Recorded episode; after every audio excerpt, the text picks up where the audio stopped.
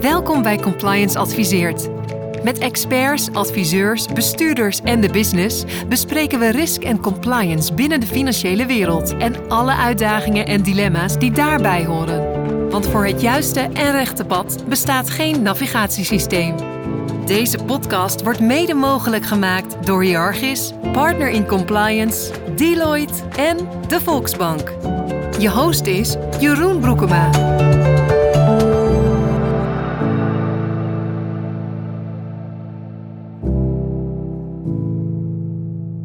Welkom luisteraars bij een nieuwe aflevering van Compliance Adviseert. Deze week met Carlijn Jeuring, Group Director KYC en Financial Crime bij Triodos. En we gaan het hebben over haar rol, de status van AML KYC in de financiële sector, de aanpak daarvan en over een missiegedreven bank. Welkom Carlijn. Dankjewel Jeroen. Leuk dat je er bent. Hele mond vol, Group Director KYC en Financial Crime. Wat moet ik me daarbij voorstellen? Ja, dat is de verantwoordelijkheid hebben voor het uh, voldoen aan uh, wet en regelgeving, onze poortwachterfunctie invulling geven als bank om uh, ja, het financiële stelsel te beschermen en ook onze klanten. Wauw, mooie, mooie volzin. En doe je dat al lang? Dat doe ik sinds ruim twee jaar nu bij Triodos, sinds juni 21. En daarvoor ben ik altijd als consultant werkzaam geweest, ook op dit terrein. Ja, want hoe lang ben je in de consulting sector geweest voordat je zeg maar naar Triodos Bank overstapte? Uh, een jaar of een kleine 13 jaar. En dan komt dus een punt dat je denkt, en nu ga ik uit die consulting. En ik zag volgens mij, als ik me goed, uh, goed voorbereid heb, dat je bij de Big Four, twee van de vier Big Four kantoren hebt gewerkt. En dan zeg je op een bepaald moment, ik, nu ga ik gewoon bij een bank werken in dienst. In plaats van op allerlei plekken te adviseren. Hoe komt zoiets tot stand, zo'n beslissing? Ja, die wens is er dan al wel langer toenemende mate. Uh, vanuit een Big Four zie je veel organisaties, voor mij specifiek in de financiële sector. En ik merkte elke keer als ik langer ergens rondliep, dat dat mij het meeste energie gaf om echt ergens naartoe te werken, maar dan ook vervolgens um, het resultaat ervan te kunnen ja, bewaken of nog verder te verbeteren, in plaats van door naar de volgende uitdaging. Je hoort ook vaak dat mensen zeggen ja, en dan ga je ook je eigen fouten zien en dingen die niet lekker liepen. Klopt dat? Herken je dat? Dat klopt zeker, ja. Ja, je kan mooie adviezen geven, maar hoe het in de praktijk uitpakt is toch anders. Ja, mooi. En je bent, uh, nou ja, consulting heb je gedaan uh, qua werkveld en daarvoor heb je ook criminologie gestudeerd, begreep ik. Klopt. Uh, allereerst ben ik natuurlijk benieuwd waarom je dat destijds bent gaan studeren en daarna heb je daar eigenlijk nu nog veel aan in dit werk? Ja, ik uh, wilde van jongs af aan altijd uh, Nederlands recht studeren. En precies op het moment dat ik mijn keuze ging maken, kwam daar die nieuwe studie, die hele interessante in mijn ogen studie criminologie. Wat mij daar heel erg in aansprak was de combinatie van uh, ja, de juridische kant als mede de sociale wetenschappen. Want dat, dat is het effectief, een mix van bestuurskunde, sociologie, psychologie en rechten. De vraag werd gesteld, ik geloof daar op die open dag, vind je het interessant wat mensen nou beweegt om bepaald gedrag uh, te vertonen. En uh, naast het, het, het norm, normenkader, het juridische kader, bestuderen ook gewoon echt de mens en het gedrag.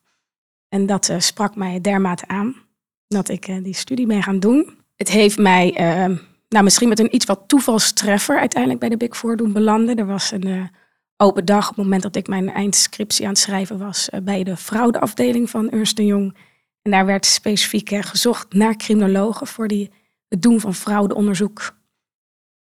Uh, dus daar kon ik uh, nou, gelukkig starten. En ja, van, eigenlijk vanaf dag één ben ik zodoende ja, naast fraudeonderzoek... Um, uiteindelijk ben ik me meer op de compliance kant gaan specialiseren. ben ik vanaf dag één eigenlijk met de WWFT in aanraking gekomen. Maar je had net zo goed bij de politie kunnen gaan werken als, dat, als die een open dag hadden gehad? Nou, ik merkte in mijn, uh, in mijn afstuderen jaren dat vooral organisatiecriminaliteit mij aansprak. En dat was toch ook die organisatie, die organisatorische kant, die mij deed uh, drijven richting toch het bedrijfsleven. En nu bij Triddles, heb je er nog veel aan aan die studie? In de zin van het, uh, gewoon de, het, het managen uh, ik merk van ja, als ik veranderingen wil bewerkstelligen, wat uh, als criminoloog ook wel erin zit, is het uh, stuk, de interesse althans, de affiniteit met cultuurgedrag. heb ik ook met KPM, bij KPMG ook wel een en ander mee gedaan. het soft controls model, misschien zegt dat je iets, maar... En dat helpt mij wel bij ehm, ja, het aanvliegen van bepaalde zaken. Hoe ga ik nou voor elkaar krijgen dat, ehm, nou ja, dat we het doel gaan bereiken? Dus dat, in die zin helpt het. Ja, duidelijk. En als jij nu, zeg maar, de, de overgang van die consulting naar Triodos moet beschrijven, hoe anders is het dan? Ehm, het is heel anders om met een vast team te werken. Het is ook anders om um, ja, met mensen uh, uh, een die veel diverser palet aan uitdagingen aan te gaan. En ook wel um, het, operationele aspect, vooral in die eerste lijn uh, waar ik in zit. Is, het is niet alleen het SEC zo goed mogelijk willen voldoen aan de wet en regelgeving, maar het moet ook passen binnen nou ja, tijdslijnen, budgetten. En dat maakt het, maakt het veel diverser. Ja, mooi. Dank dat je de eerste lijn noemt. Dat is een mooi bruggetje naar wat ik je ook wilde vragen. In de voorbespreking hadden we het er even over. Ik dacht, oh, jij zit in de tweede lijn. Maar je zit in de eerste lijn. Hè? Is die, zijn die lijnen zo hard te trekken? En waarom zit je in de eerste lijn? Twee vragen. Ja, ja ik, terechte vraag. Uh, zeker ja, KYC en financial crime. Uh, het is een, um, vergeleken met andere bijvoorbeeld eerste lijns afdelingen degene die misschien wel het dichtst richting de tweede lijn ligt. Want je bent wel heel erg bezig met uh, compliant uh, handelen nastreven. Um, uh, en tegelijkertijd zit het ook wel richt richting ja, de klant en de klantbeleving. Um, het, het, is wel een eerste lijnsfunctie. Um, of vanwege het ook het operationele karakter ja, ik zou mezelf niet te strak. Ik heb een hele, hele nauwe samenwerking bij Triodos met de tweede lijn, met onze group compliance afdeling. Dat werkt heel, uh, heel prettig samen. Um, ja, de adviezen. Ik, het, het liefst implementeer ik pas iets als ik een uh, positief compliance advies heb, of in ieder geval even heb gespart. Dus ik probeer me in ieder geval zo um, uh, anderhalf lijns mogelijk dat is mooi, ja, nee, mooi. Nee, je voelt je volgens mij primair toch eerste lijns. Eh, tenminste, zo, zo, kwam het over ook in het, in het voorgesprek. Maar ik snap het dat je daar altijd tussenin zit in, in, in zo'n rol. En wat ik wel interessant vind, hè, is ik heb eh, wel vaker mensen van Triodos eh, gesproken. En het wordt vaak een missiegedreven bank uh, genoemd. Maakt dat nou nog uit als het gaat om AML en KYC, dat jullie een andersoortige bank zijn. Uh, ondertussen zijn overigens banken steeds meer, denk ik, toe gaan bewegen naar de wijze waarop jullie werken. Eh, delen daarvan. Eh, maakt het uit? Ik denk in die zin dat het uitmaakt voor de motivatie om te willen voldoen aan uh, deze wet en regelgeving. Um, ja, wij hebben natuurlijk als missie om geld te laten werken voor positieve verandering. Ja, dan wil je natuurlijk niet hebben dat je vervolgens onbewust meewerkt aan het het faciliteren van uh, criminele geldstromen in de samenleving of het uh, je klanten dupe laten worden van fraude. Um, en dan kan je het wel makkelijker uitleggen. Waarom moeten we dit doen? Dat is uiteindelijk om, om onze missie te ondersteunen, te realiseren. En ik denk dat dat wel een verschil is ten opzichte van uh, veel andere financiële instellingen. Maakt, maakt het voor mij makkelijker soms om om uit te leggen ja. wat je doet, waarom je het doet. En tegelijkertijd kan me ook zo voorstellen dat vertrouwen heel erg belangrijk is voor jullie. En dat je ook klanten hebt die je al heel lang kent. En eigenlijk op basis van vertrouwen wil handelen. Het vertrouwen ook wil geven. Maar dan toch vanuit wet en regelgeving heel veel dingen moet doen die je misschien eigenlijk niet wil doen bij die klant. Klopt, klopt. Um, dat is ook wel iets ja, wat belangrijk is om, om helder te maken aan iedereen. Ja, we hebben bij veel klanten we hebben de, het gezamenlijke doel. Dus vertrouwen in de basis is in dat opzicht misschien sneller gerealiseerd. Maar wat, wat ik ook vooral probeer duidelijk te maken en wat ik denk dat ook duidelijk wel is inmiddels, is dat je het ook wel moet kunnen aantonen. En daarvoor moet je gewoon processen volgen, zaken vastleggen. Um, en daarbovenop geldt ook nog, ja, de keten is zo sterk als de zwakste schakel. Als je je controles niet op orde hebt, dan kunnen er ook malafide uh, klanten tussen zitten. Ja, want je hoort geregeld dat juist de wat kleinere banken of de kleinere fintech-banken, of nou ja, jullie zijn natuurlijk een, middelgrote bank, denk ik, mag ik zo zeggen, of klein, ik weet het niet, hoe je jezelf ziet. In Nederland uh, zijn er hele grote en daarna heb je allemaal andere.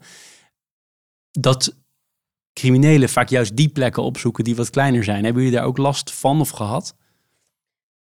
ik zou het niet in perspectief kunnen plaatsen, maar um, ja, bij, bij elke bank en dus ook bij Triodos vissen wij ook wel eens fraudeurs eruit. En um, ja, maken wij ook meldingen van ongebruikelijke transacties bij de FIU.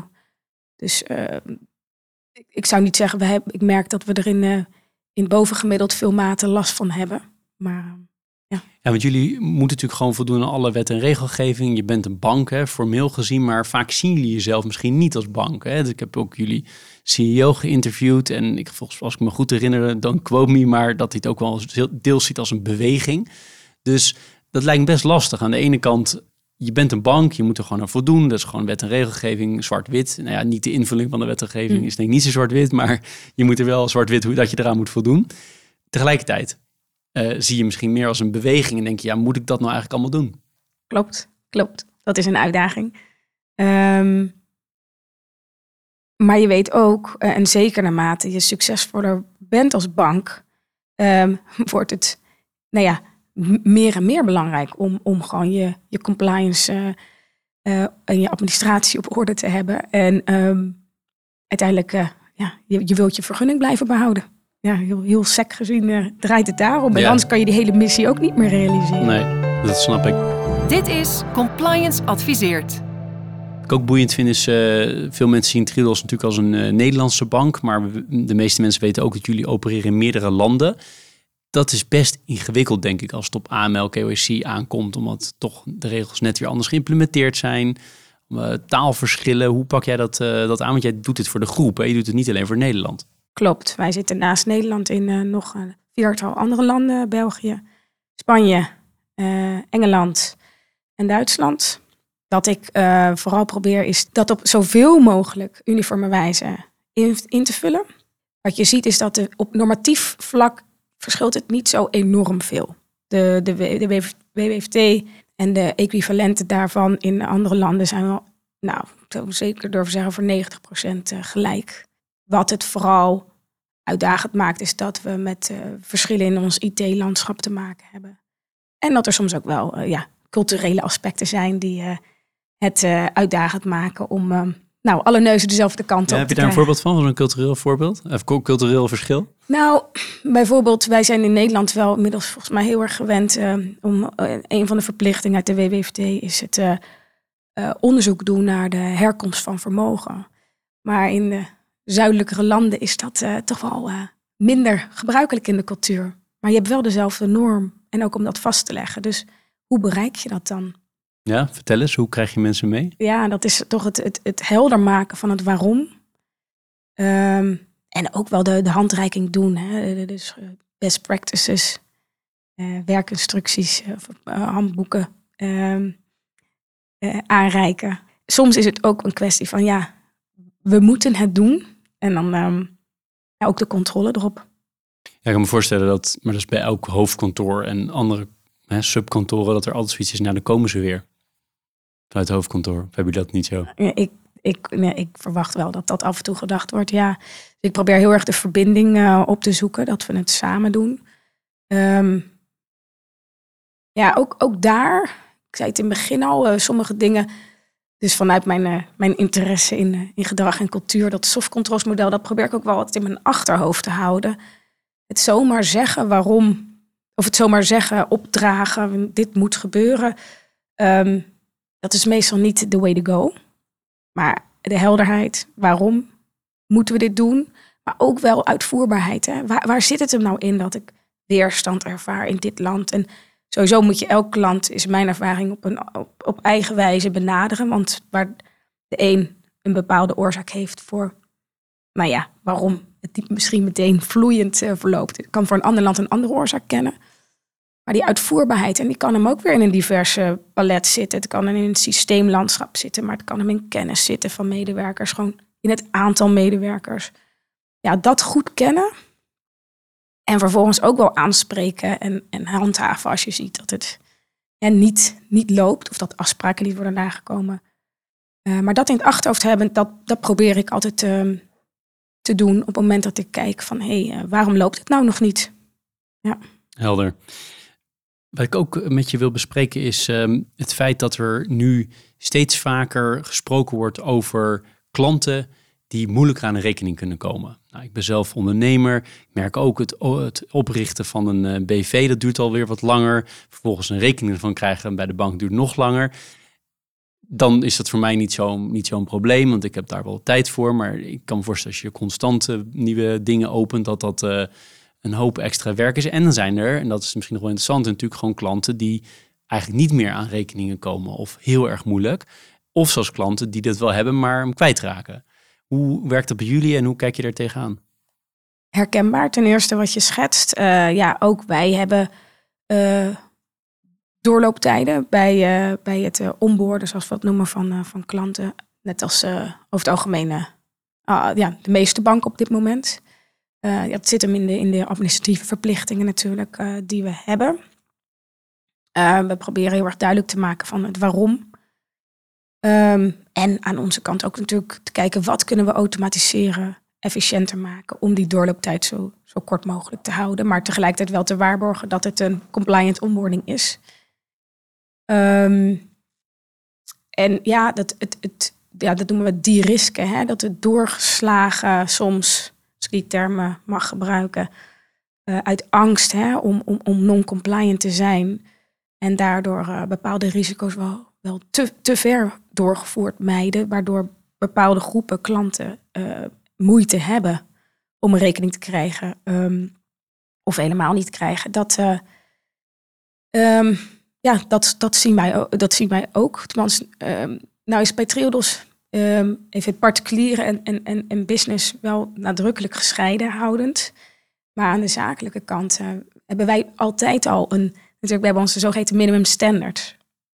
Dus wij zijn altijd wel selectief bij de, bij de poort, aan de poort. Uh, het moet wel passen bij onze missie. En dan worden jullie wijzen altijd al veel klanten af. Uh, ja, het wordt veel uh, nee, Oké, okay, maar je bent altijd selectief in wie, selectief. Je, je toelaat. Ja. Ja. Meer dan een, misschien een algemene bank. Ja. Ja, even een paar, paar zijpaadjes. Hè? Want in, de, in de eerste plaats van wat kunnen we hier aan doen? Want het lijkt me mm. niet... Er zit natuurlijk een deel bij, dan denk ik goed is dat dat gederisked wordt. Maar een deel misschien ook niet. Uh, je ziet ook wat rechtszaken waarbij klanten ook winnen van banken. Dus dan neem ik in ieder geval aan dat het toch vrij onterecht was. Uh, even vanuit gaan dat, we, dat de rechter dat, dat je bij het juiste eind uh, had. Maar wat kunnen we daaraan doen om die gevallen te voorkomen? Ik denk dat het belangrijk is dat we helderheid krijgen over het, het doel hè, van wat we nastreven. Gewoon als totaal, hè, als totale keten. Willen wij compleetheid of willen we voor ja, uh, op een kwalitatieve wijze invulling geven aan onze poortwachtersverplichting. Uh, Momenteel, de afgelopen periode, is toch wel heel erg de focus op compleetheid uh, lijken te komen te liggen. Hè? De, de angst om maar die ene crimineel te missen en te laten lopen.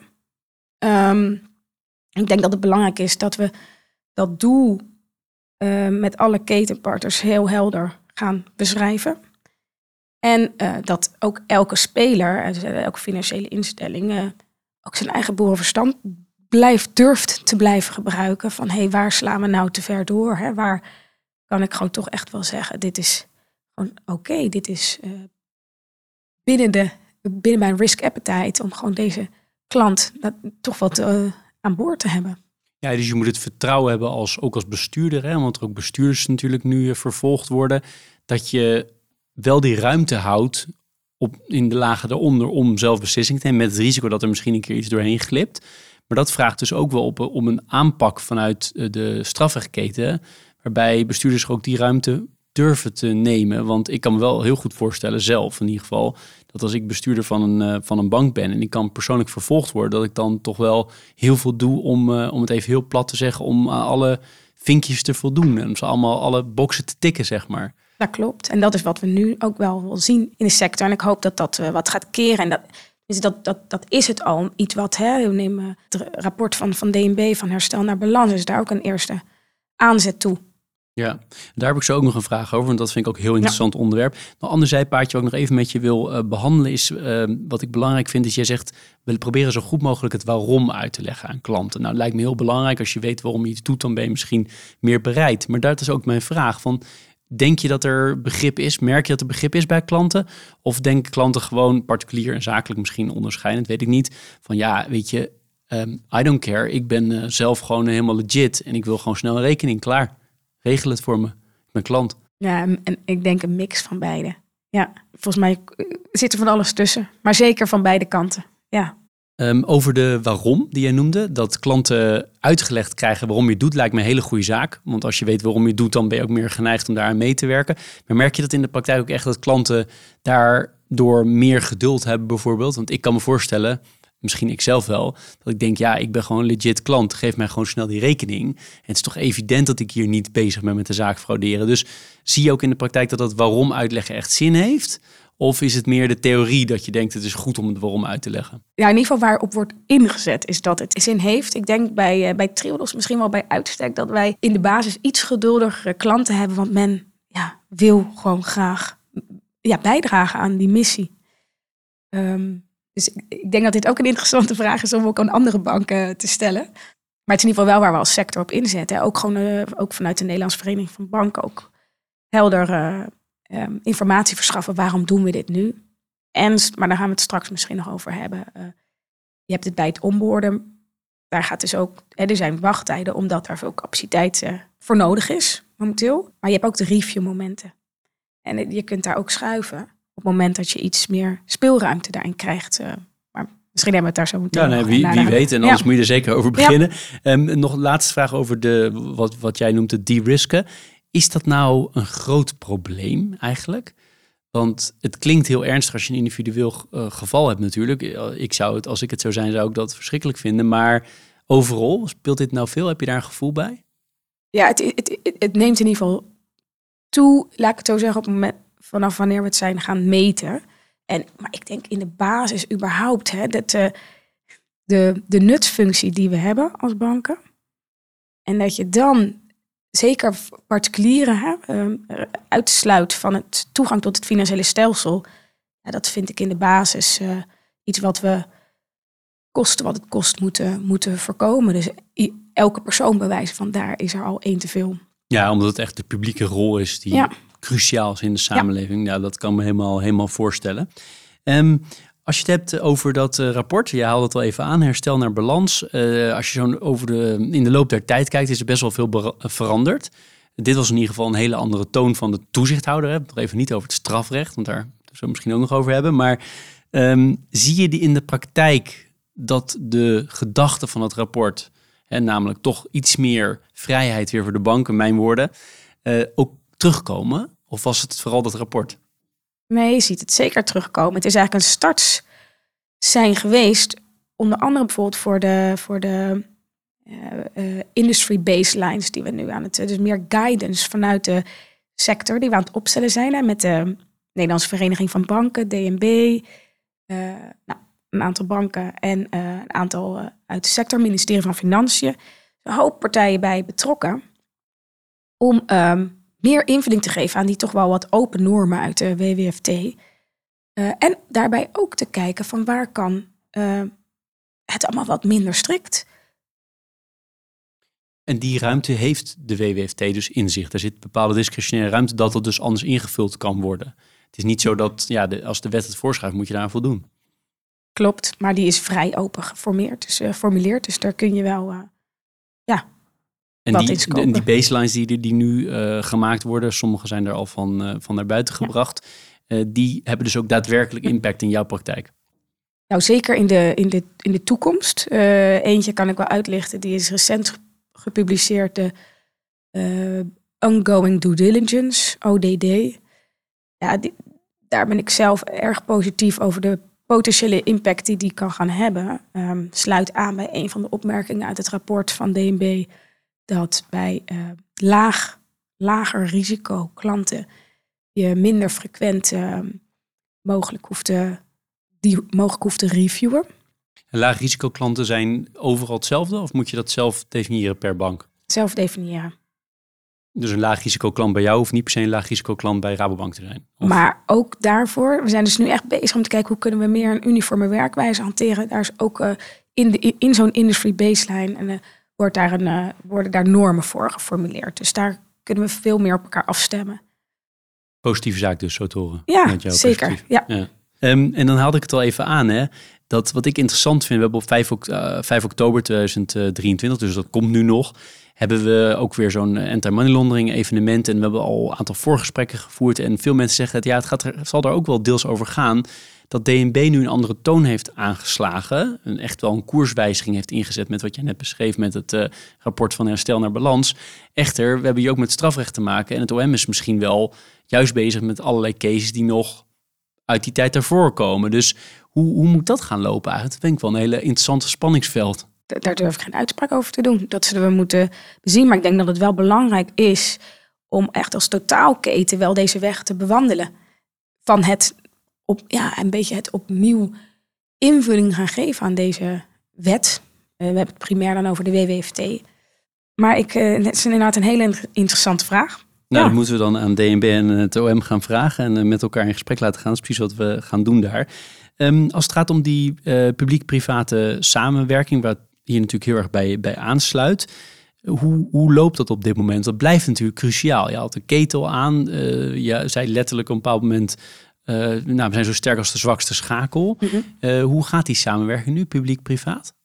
Ja, nou, bijvoorbeeld dit voorbeeld wat ik net noemde, heel, heel goed wat mij betreft. Eh, die die, hoe die industry baselines tot stand komen. Ja, dat is een intensief traject, wat dus al een eh, klein jaar loopt. Ja, dat is een hele goede samenwerking. Het- het- Wij zitten als Triodos niet bij elke publiek-private samenwerking. We hebben ook nog de Fintel Alliance, Serious Crime Task Force. Dus daar, maar ja, volgens mij dat ze er alleen al zijn en volgens mij regulier plaatsvinden is, eh, is positief. Maar dat, daar kan ik niet eh, concreter over zijn. Maar over die andere, de industry baselines, dat vind ik heel positief. En daar zie je ook, want daar wordt behoorlijk wat eh, capaciteit van alle deelnemers, zowel de, vanuit de toezichthouder ook als vanuit de, de, de, de deelnemende banken en andere financiële instellingen ingestopt. Om, omdat men echt een, een ommekeer wil, of in ieder geval een, an- een andere invulling, Ve- veel meer efficiëntie en uiteindelijk ook natuurlijk effectiviteit. Ja, want dat vind ik dus zo interessant. Hè? Dat is precies waar ik naartoe wilde. Namelijk, het geeft misschien een, een prettige manier van samenwerking. Maar die end of the day pakken we er meer criminelen door.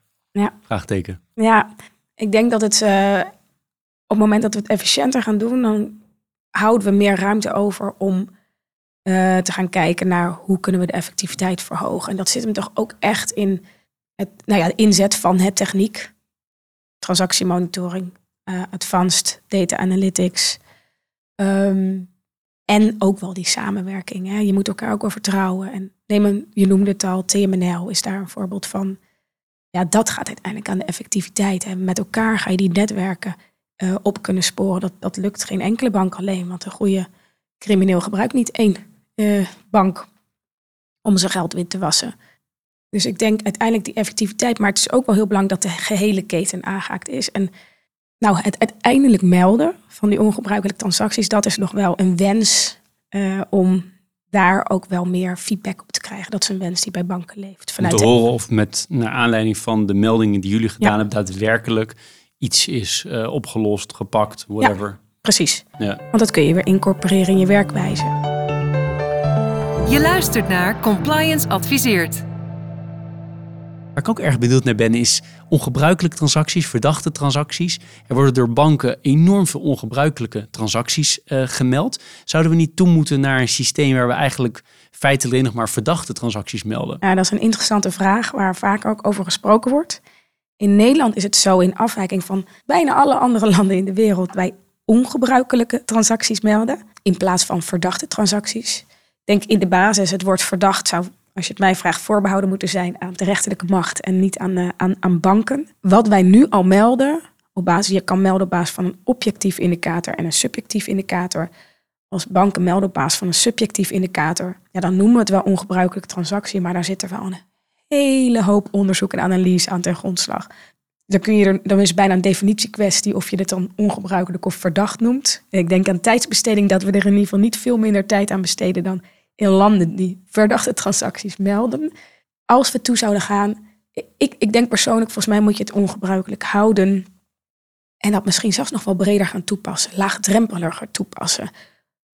Zeker met behulp van inzet van techniek, van advanced data analytics, kun je makkelijker. En, en samenwerking hè, met andere uh, financiële instellingen, als we, als we daar dat gaan bereiken, uh, kun je makkelijker ongebruikelijke transacties detecteren. Dat meld je en dan is het aan de ontvangende kant, in dit geval de FIU, eh, noodzaak om in staat te zijn, technisch gezien, om daar vervolgens de verdachte transacties uit te halen. Samen natuurlijk met de opsporingsinstanties. Ja, dat is altijd de klacht van de banken. Van, hè, wij zitten hier met tussen de 12 en de 14.000 mensen, is geloof ik de schatting. En bij de FIU werkt geloof ik 100 of zoiets. Iets in, iets in die trant, don't quote me op het mhm. precieze getal. Maar dat zie je ook wel zo. Er zou wel wat meer mogen zitten daar. Ja, en ik weet dus niet, ik zeg niet per se in de, in de termen van FTE, maar vooral in de, in de techniek, aan de techniekzijde.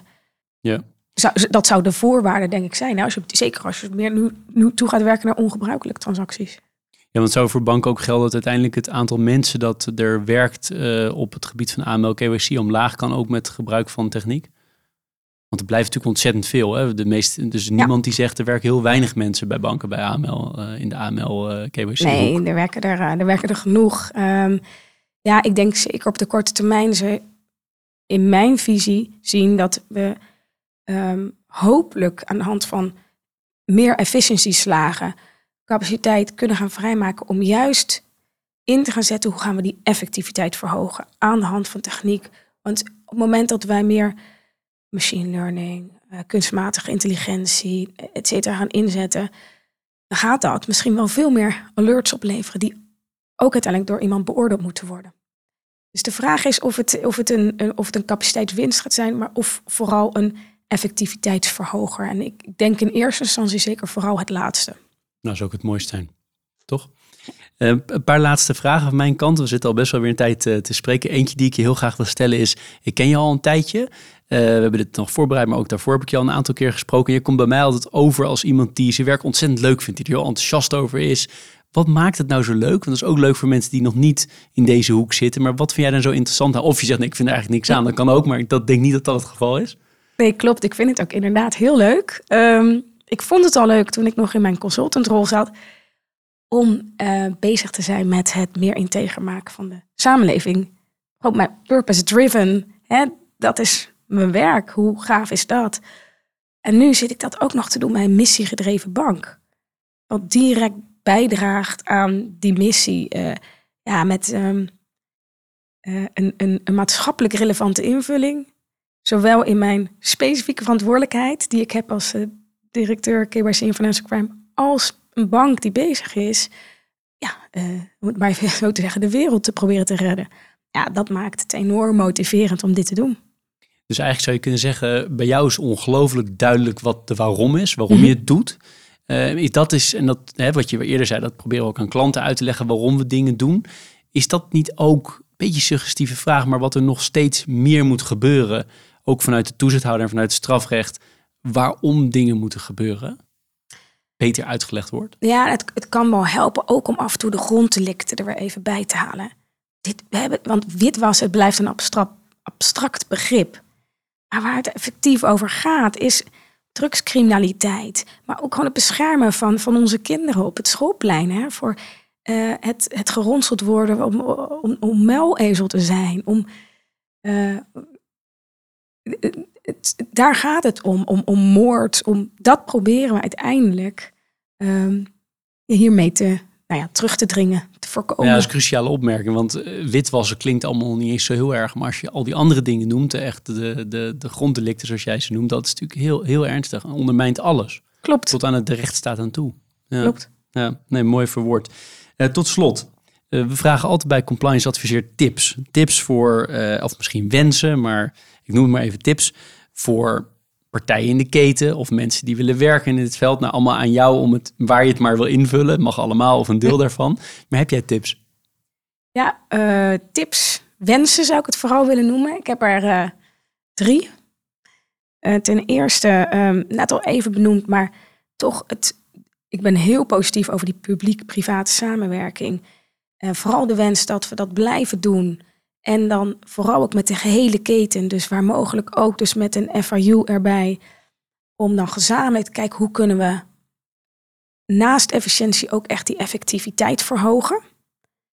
Um, een tweede is uh, wens, is het, dat doel helder formuleren. Um, en een beetje toch wel de wens durven we weg te bewegen van het nastreven van compleetheid. De angst daarmee te reduceren om fouten te maken. Um, die kramp er een beetje uithalen. Um, en, en, en ik denk daarmee. ja, het, ik denk dat dat niet eens hoeft in te, in te, dat je daar niet eens hoeft in te leggen op, effectiviteit. En daarmee dus de, nou ja, de oproep, laten we gewoon allemaal ons boerenverstand blijven gebruiken.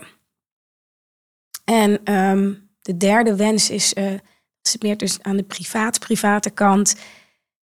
Ik ben zelf heel positief over dus die, die, die route, dat pad wat nu open ligt om naar dat ongoing due diligence te gaan. En dat betekent, we gaan niet meer wanneer het uh, belletje gaat, een klantdossier erbij pakken. Puur omdat het tijd is om naar die bepaalde klant te zijn, te kijken op basis van zijn risicoclassificatie. Maar we gaan kijken naar een klant omdat er een reden is om naar die klant te kijken. Omdat ons transactiemonitoring systeem een alert heeft gegenereerd. En mogelijk noopt dat tot een gehele herziening, review van zo'n klant. Um, nou, er zijn twee voorwaarden cruciaal voor. Ten eerste is je datakwaliteit.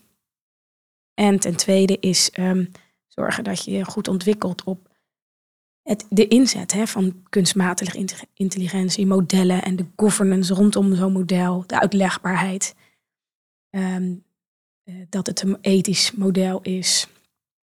En daarop zou ik de uitnodiging, of in ieder geval de wens willen uitspreken, laten we dat echt met elkaar doen. Laten we daar niet um, ja, het als een, een, een, concurrentiezaak zien. Dat we hebben echt één gezamenlijk doel als poortwachters. En laten we elkaar daar helpen. En ook fintechs bijvoorbeeld. Ik denk dat die daar snel verder in zullen zijn. Ik hoop dat we elkaar daarin eh, uh, gaan versterken. Mooi, om het financiële systeem gezond en veilig te houden.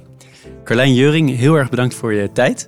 Uh, Carlijn is de Group Director KYC en Financial Crime bij Triodos Bank. Uh, nogmaals dank. En uh, ik heb zo meteen na de aflevering nog een klein bedankje voor je. Graag gedaan, Jeroen.